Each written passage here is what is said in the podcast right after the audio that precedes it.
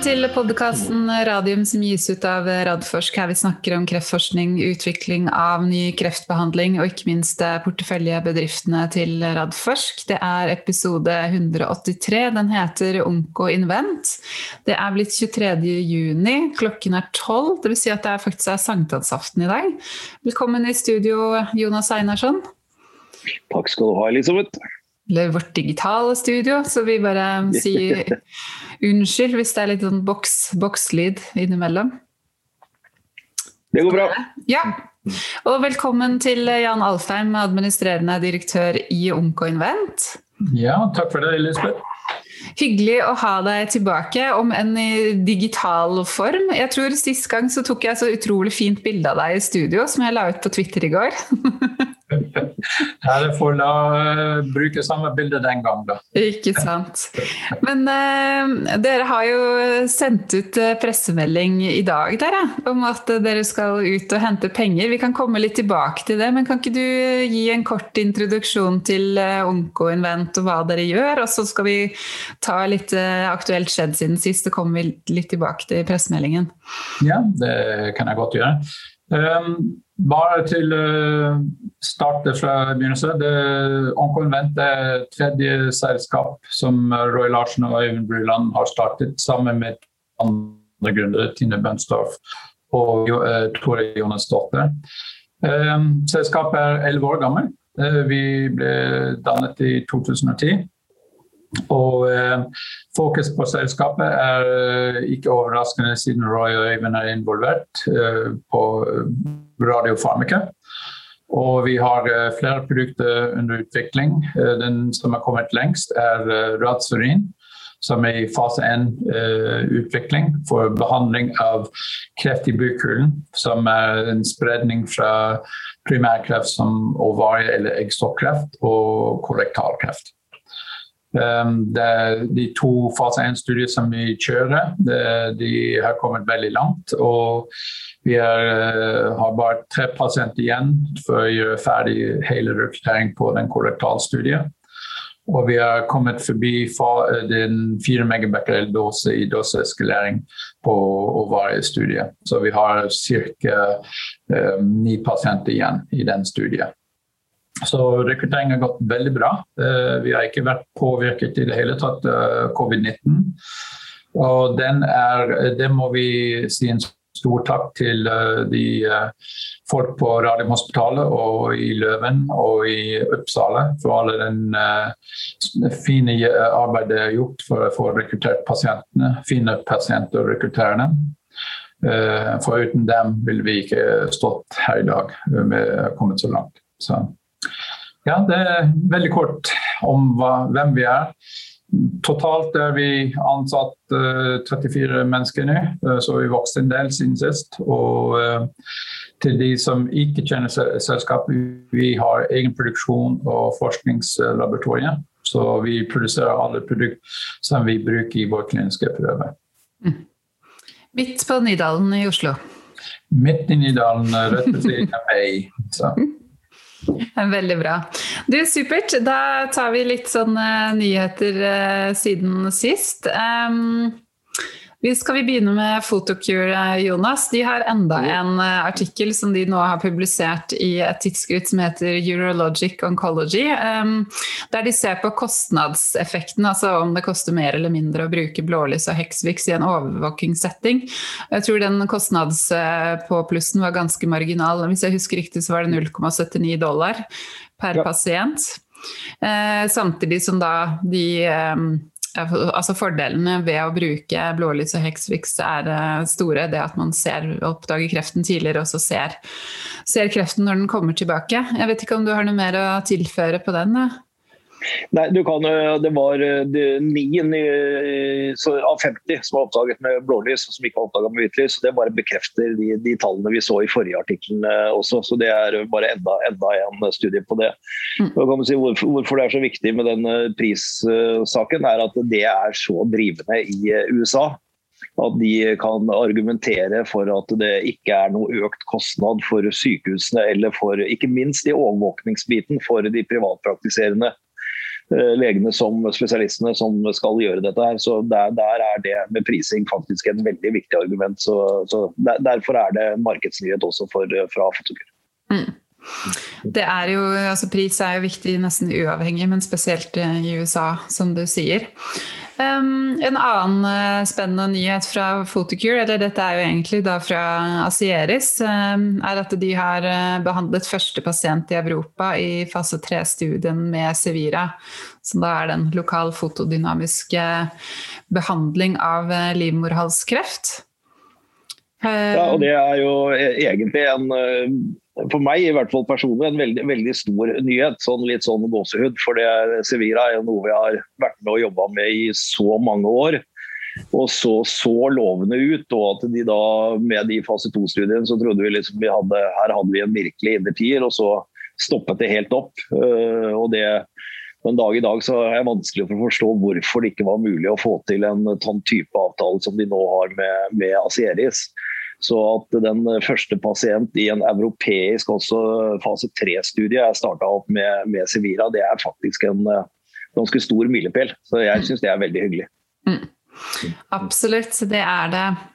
Eh, og så er det en nyhet fra Nordic Nadovektor, og dette her var vel det Peter Brown sa at vi skulle forvente oss, fordi dette hadde de guidet på skulle komme nå i løpet av eh, Q2. Det er resultater fra Limerut 3705-studien.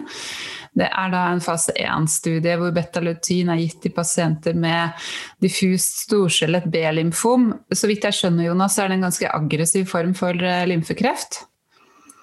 Ja, det er den aggressive formen for lymfekreft. Det finnes noen til, men det er absolutt en av de aggressive. ja.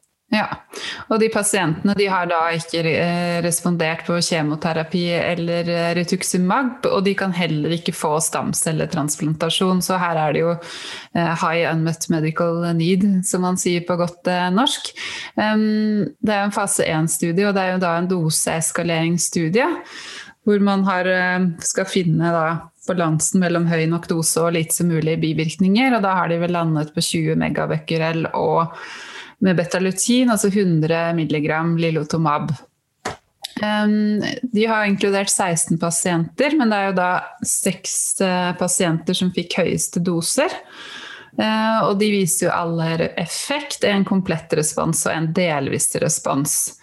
Og så skriver da selskapet i pressemeldingen at de ser nå muligheten for videre kombinasjoner med andre terapier, men de understreker også at de konsentrerer seg om eh, paradigmestudien, og som også Peter understreket i podkasten. Mm, jeg vet ikke om du har fått sett noe særlig på den studien her, Jonas? Jeg vet du har vært ja, travel?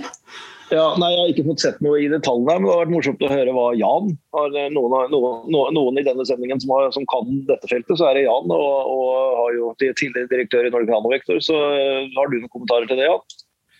Vel, det, det, er veldig positivt å høre til de ser en effekt. For det, som du sa innledningsvis, eh, Jonas, det er en veldig eh, problematisk eh, kreftform å behandle.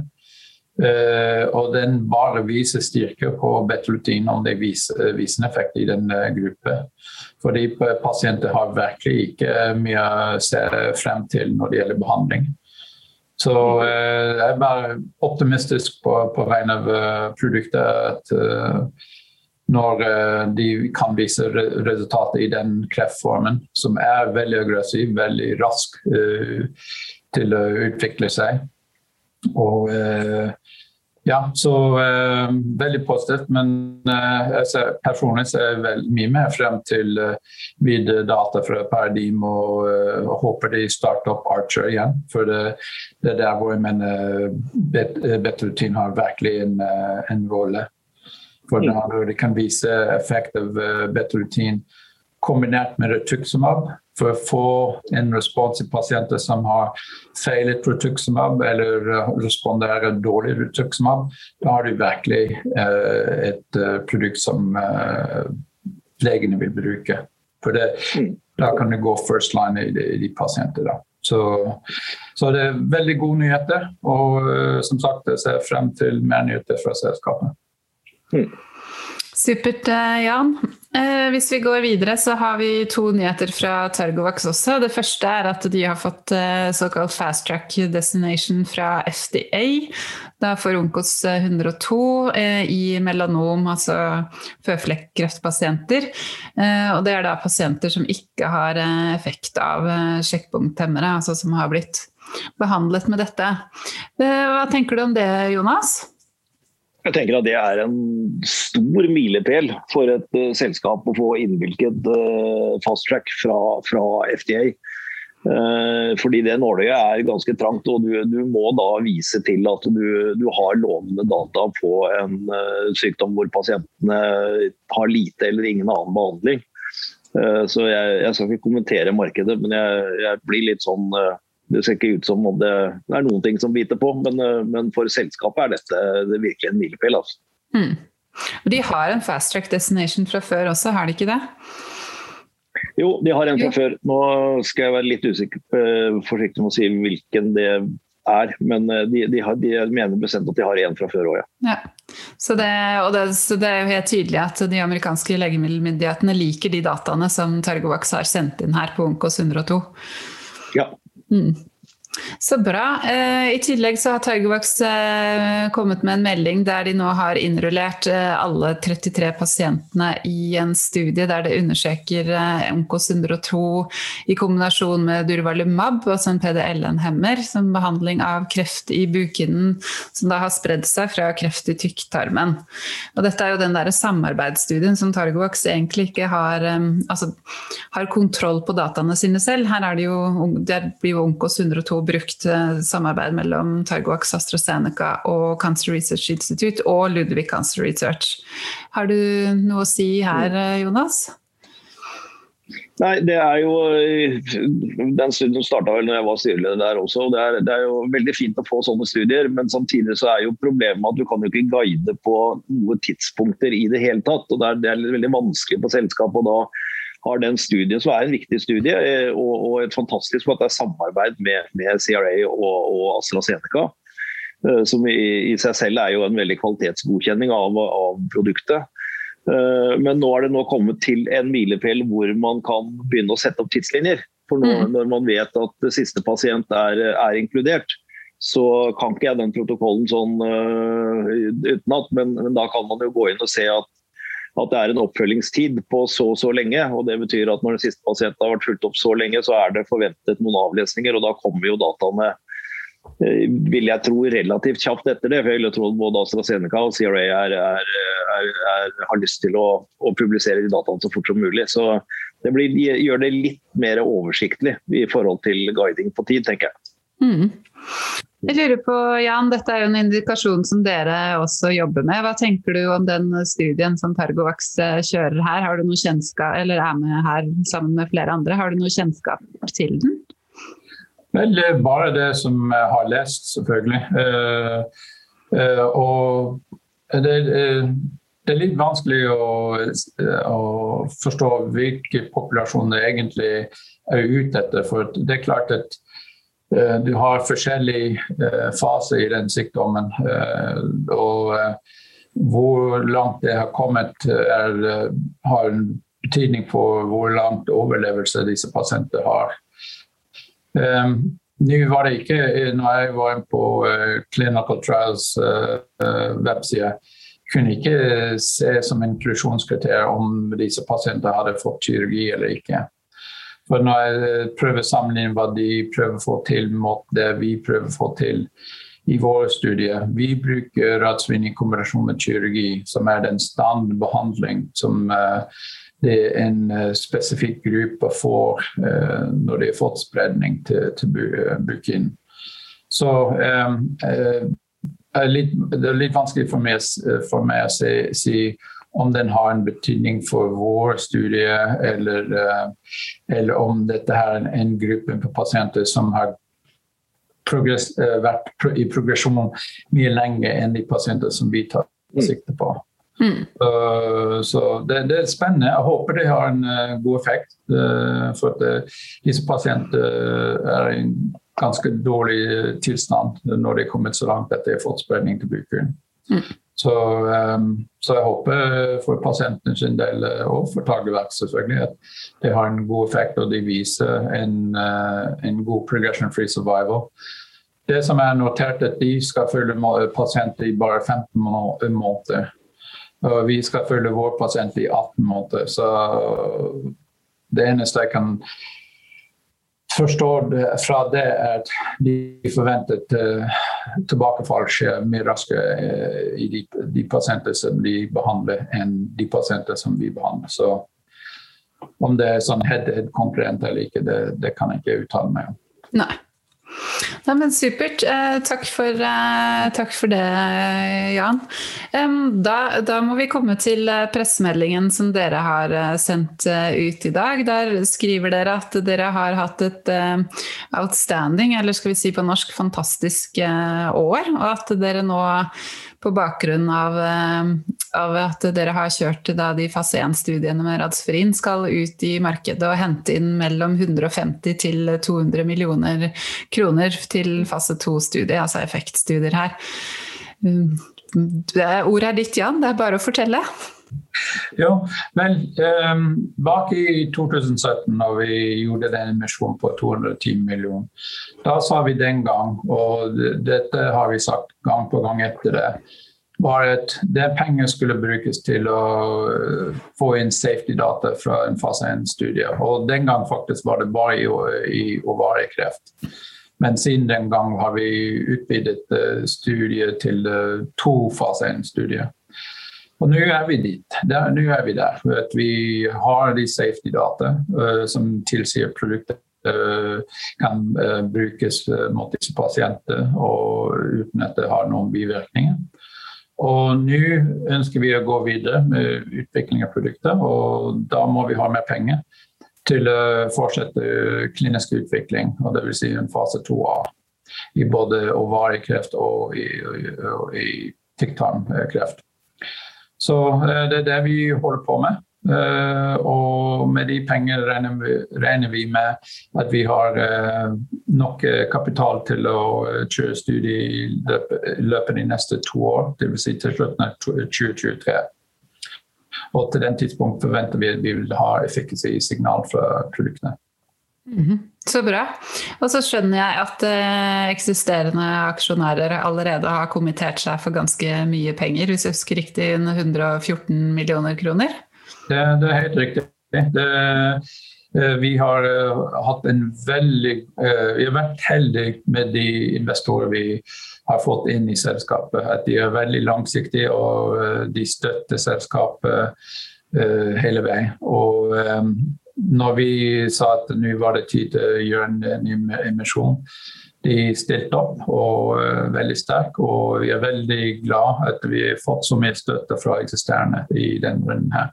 For det, det, er klart at finansmarkedet uh, nå er ikke det det var tidligere på vår parten. Det er uh, tøffe tider for å hente kapital. så for, har den støtte fra eksisterende har betydd mye i den prosessen her. Mm. Så bra.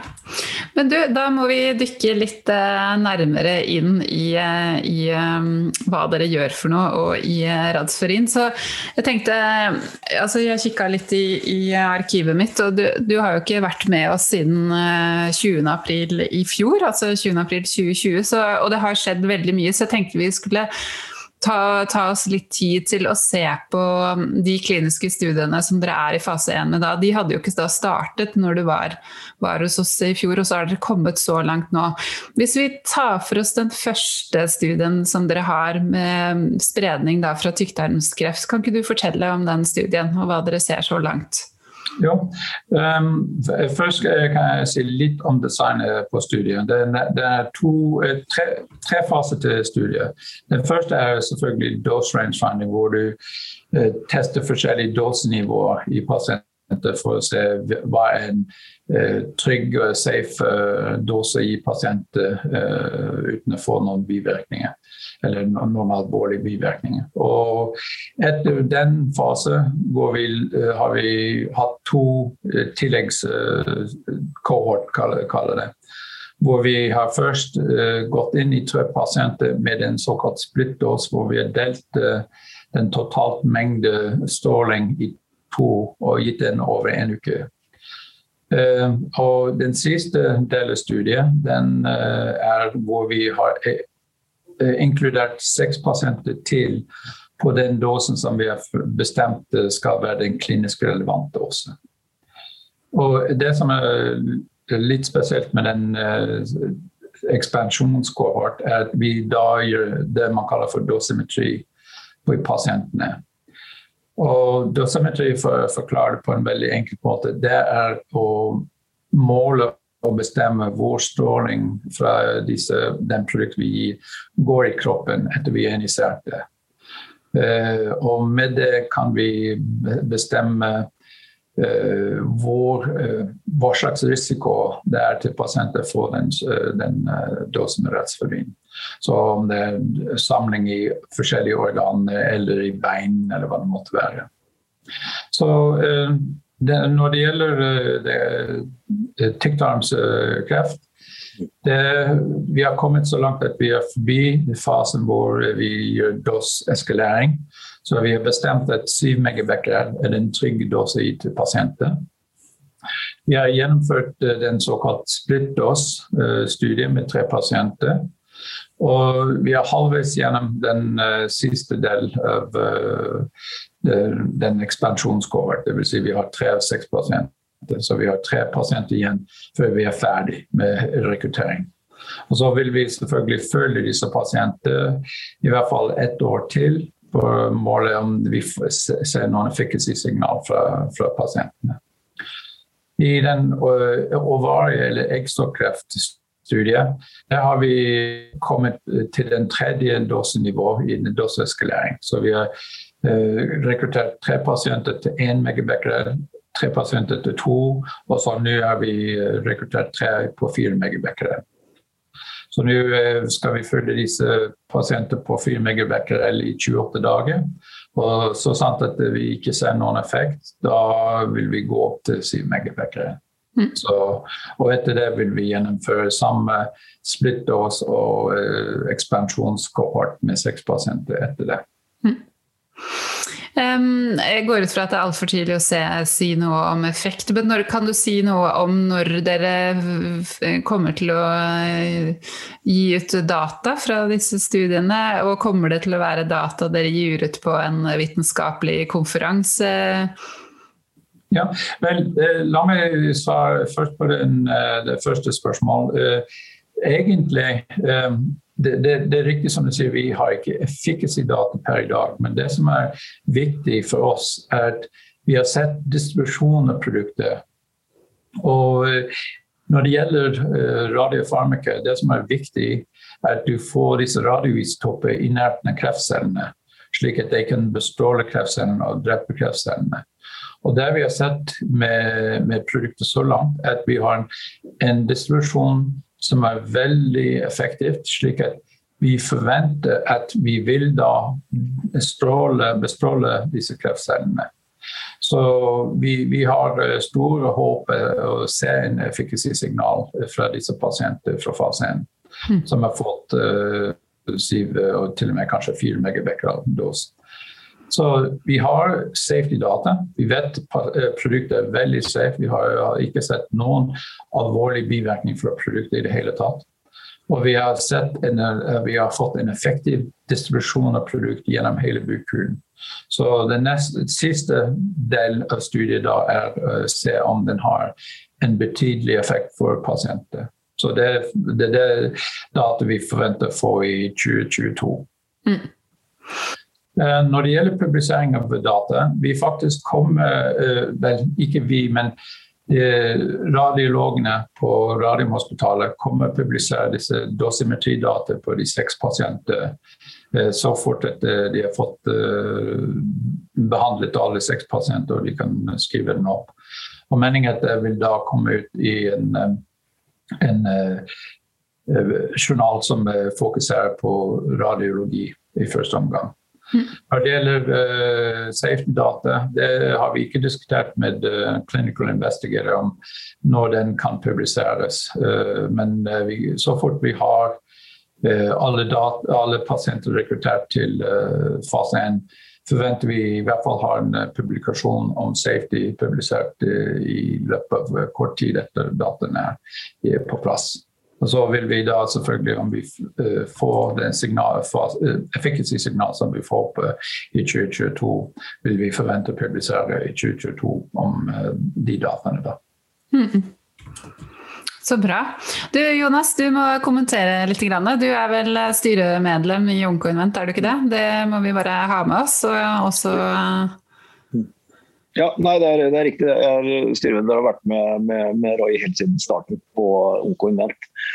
jeg har lyst til å si at eh, jeg tror at hovedgrunnen til at eh, de store investorene i, i, dette selskapet nå stilte opp på den måten de gjorde når Jan trakk i snora og sa at nå var det på tide å hente inn ny kapital, er først og fremst at de er svært imponert over gjennomføringsevnen til det selskapet.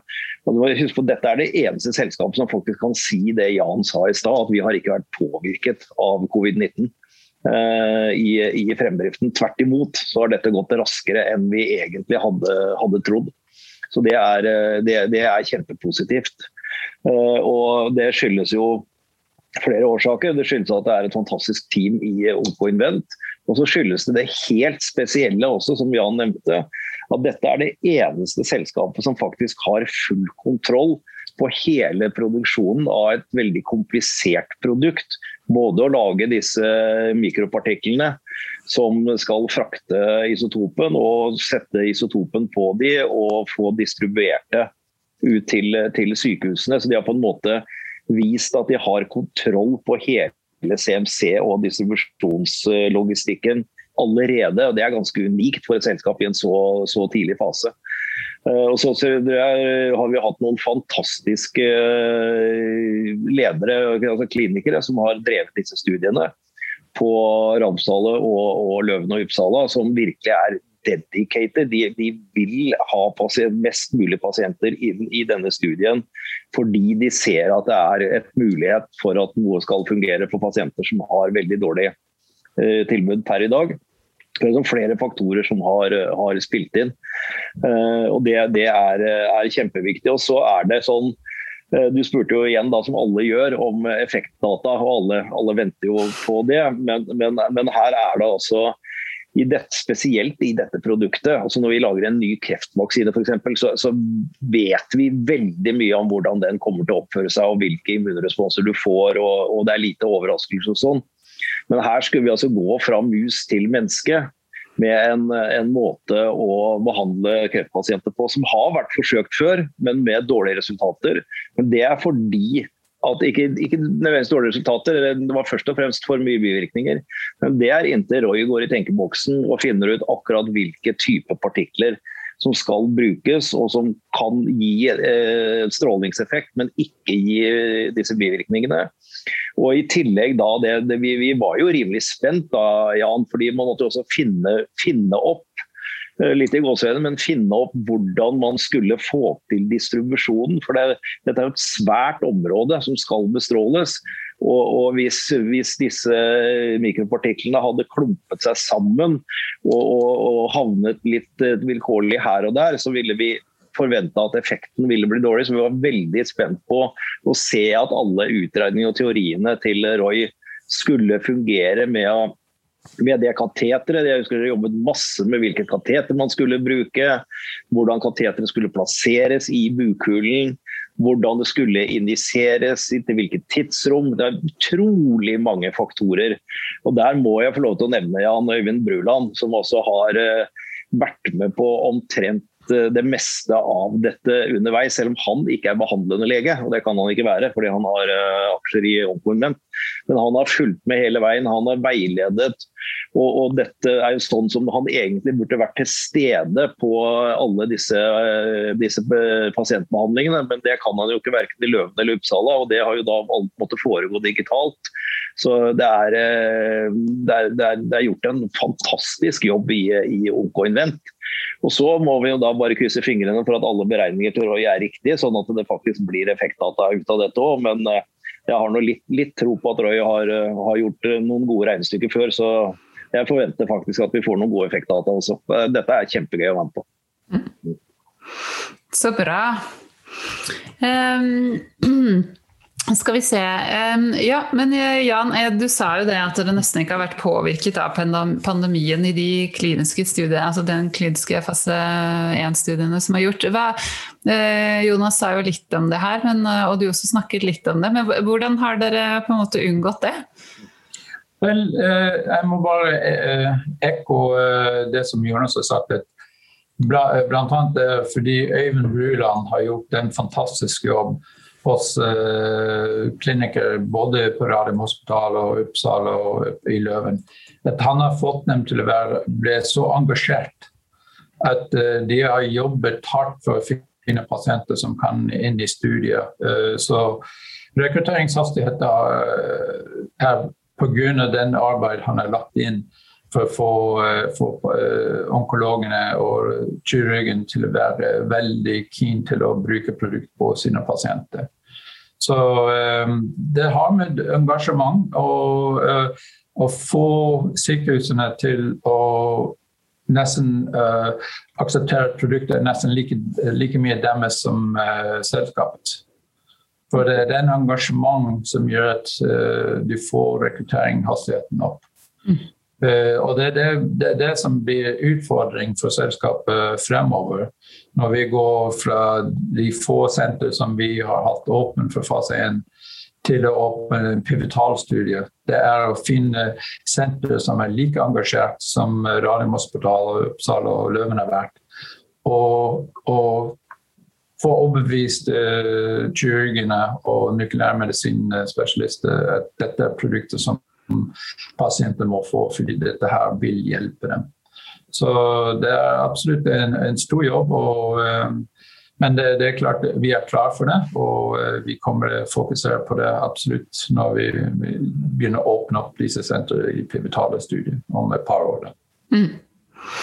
Så bra. Eh, jeg vil bare si til eh, lytterne av podkasten altså vi har eh, gjort ett intervju med Øyvind Bruland og Roy Larsen. Det var, tror jeg var et av de første intervjuene vi hadde i podkasten, Jonas. Så det var ikke, mm. ikke i går. Men jeg prøvde å finne det ut nå, men det fant jeg ikke. Men det skal jeg finne, finne fram og så legge som lenke til denne episoden, så kan man gå tilbake og høre det. Altså, dette er jo da radarparet bak Algeta og Nordic Nanovektor også, så man bare får satt det i en, i en kontekst.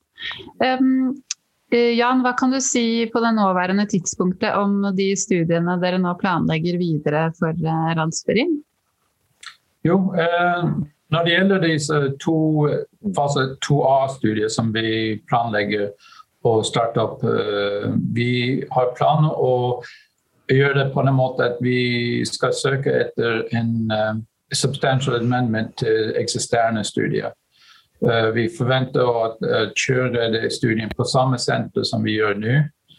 Eh, og et, fordi vi har hatt en god rekruttering i disse sentrene, vi forventer at vi kan rekruttere de pasienter som vi planlegger ta inn i løpet av seks måneder. Det, er det som er planen for studiet. Det blir selvfølgelig innen dette her en ekspansjon til en fase 1 det primære endepunkt er da fremdeles safety. Men det vi kommer å gjøre eh, på efficacy-side, er å endre på efficacy-måling eh, på to måter. Den ene er at vi selvfølgelig vil måle hvor lang tid det tar for pasienter å få tilbakefall. Det er det samme som vi har i fase Men i tillegg vil vi da eh, måle frekvens til, av tilbakefall etter forskjellige tidspunkter under studiet. Slik at vi kommer til å se for, etter seks måneder hvor mange pasienter har fått tilbakefall i forhold til det så, såkalt historiske kontroll. Og på den måten vil vi ha en tegn på efficacy før studiet er gjennomført. Så, så, det er det som er, er ny med fase 2A, at vi kommer å gjøre mål på to måter. Mm. Spennende. Men er det da også snakk om å gjøre randomiserte studier på sikt? Er det det som man vil gjøre kanskje i den pivotale fasen, da, som, som regulatoriske myndigheter vil kreve? Ja, det, det, er helt riktig. Da, når vi går til, til pivotal, da vil vi ha en kontrollarm som blir uh, mest sannsynlig uh, den uh, aktive behandling som pasientene får ellers. Det vil si at i ovariestudien da får de kirurgi, såkalt cytoreductive surgery, som kontrollarm. Og da vil det være kirurgi pluss radsverin i den aktive arm i en korektalsetting eller tykktarmsetting, det er da eh, både kirurgi og cellegift. Det er en spesiell form som heter HIPEC, hvor man varmer opp cellegiften og eh, sirkulerer i hele bukhulen rett etter man har operert pasientene. Eh, det blir da kontrollarmen, og så aktiv varme i den studien. Da blir eh, kirurgi pluss cellegift pluss rødsfri. Mm. Men hvis man da ser på tidslinjene her, så framt alt går bra i en fase to, og så videre til en pivotal, hvor, hvor lang tid snakker vi om? Vel, eh, det, det selvfølgelig er helt avhengig av rekrutteringshastigheter. Men uh, om, vi, uh, om man skal bruke en Eh, krystallkule og se ut i fremtiden. Eh, vi, vi, vi regner med fase 2A da, eh, vil være ferdig i løpet av 2023. Og da på den pivotal, om vi kan få gjennomført hele studiet i løpet av tre år, tror vi vi har gjort en god jobb. Så, så at vi kan da søke etter godkjenning etter den tiden. Hmm. Men um, det tre år den er veldig avhengig av resultatet fra, fra den fase 2A. Og en, en, en, viktig grunn til at vi kjører 2A, er å få gjøre en design på den pivotalstudiet som er så presis som mulig. Slik at uh, vi, uh, vi, kan kutte ned på antall pasienter vi trenger i den studien. Så uh, igjen, å kaste ut et tall som tre år er eh, veldig spekulativt. Jeg ønsker å stresse det. At, uh, det ikke, jeg liker ikke å komme med et spekulativt svar, men siden du spør konkret om antall uh, år Det er det som jeg tror jeg vil være en sånn gjennomsnittstall. da. Mm. Men vi ønsker selvfølgelig å bruke tall, data fra fase 2A for å lage en god design på den pivotalstudien, slik at vi bruker minst mulig tid for, før vi kan sende inn søknaden. Mm. Ja, jeg skjønner det er veldig vanskelig å gi, gi et tall, eh, tall, Det er mye som ikke er innenfor deres kontroll, sånn som dere vet per i dag. Um, vi har jo allerede snakket om, om, finanser. Jeg vet ikke om du har noe å legge til uh, i, forhold til, uh, i forhold til det? Vel, jeg tror det eneste jeg kan si på, på, på den fronten, er at vi har åpnet opp en eh, finansieringsrunde hvor målet er å hente inn fra 150 til 200 millioner for å dekke kostnadene til en fase 2. Mm. Og at eh, det som styret har eh, besluttet i forbindelse med den kapitalinnhenting, er at selskapet har ambisjoner å gå på børs i løpet av de neste tolv måneder. Ja. Veldig spennende. Har du noe å tillegge, Jonas? Nei da, det er jo spennende, spennende, dager. og Så får vi se den emisjonen. Den eh, er vel fortsatt eh, åpen. Eh. Så det blir veldig spennende å se hvor den ender. Mm. Så bra. Da vil jeg bare ønske masse lykke til, eh, Jan. Det er eh, spennende å følge med dere. Og så håper jeg det ikke tar eh, over et år til neste gang du kommer i podkasten. Det høres ut som det kommer til å skje mye fortere enn det med alt det, det som er på trappene nå. Ja, jeg skal holde deg orientert om utviklinga. Du får vurdere når du ønsker å snakke med oss neste gang. da. Tusen takk skal du ha. Eh, og du og jeg, Jonas, vi eh, har ikke noen flere planlagte podkaster, men vi har vel sagt som så at eh, skjer det noe spennende i selskapene, så skal vi ta oss tid til å ta en, ta en prat på Zoom og få ut noe. En sånn tentativ plan vi har. Vi får være litt ad, ad hoc-modus. Det får vi til.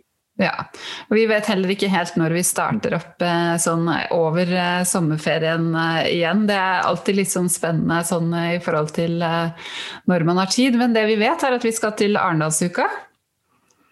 Det blir veldig spennende. Det er, det er, nesten så jeg har litt vanskelig for å tro det enda at jeg faktisk skal gå i pollen med, nede i Arendal med masse, masse, mennesker og treffe mye hyggelige folk og ha nettverksmøter og samtaler. Men vi krysser fingrene. Vi er i hvert fall klare. Vi er klare, og jeg skjønner akkurat hva du mener. For jeg, også, jeg sitter jo og planlegger nå og holder på å ordne liksom all logistikken. Eh, skrive manus til møte og sånn. Og det er litt sånn, litt sånn, rart å tenke på det, at man faktisk skal ned der. Det, ja, det var, det var, jo faktisk litt stort i går når du sendte meg togbillettene til Arendal. Da tenkte jeg jeg skal, jeg skal ut og reise. Det blir spennende. Reise med tog, det har man nesten ikke gjort på et år, det heller. Og det må jeg bare si, jeg skal faktisk få vaksinen på fredag. Så det er helt utrolig hvordan dette fungerer. Nå har de kommet seg ned til 1976-årgangen i Nittedal kommune, så det er, det er bra. Veldig bra.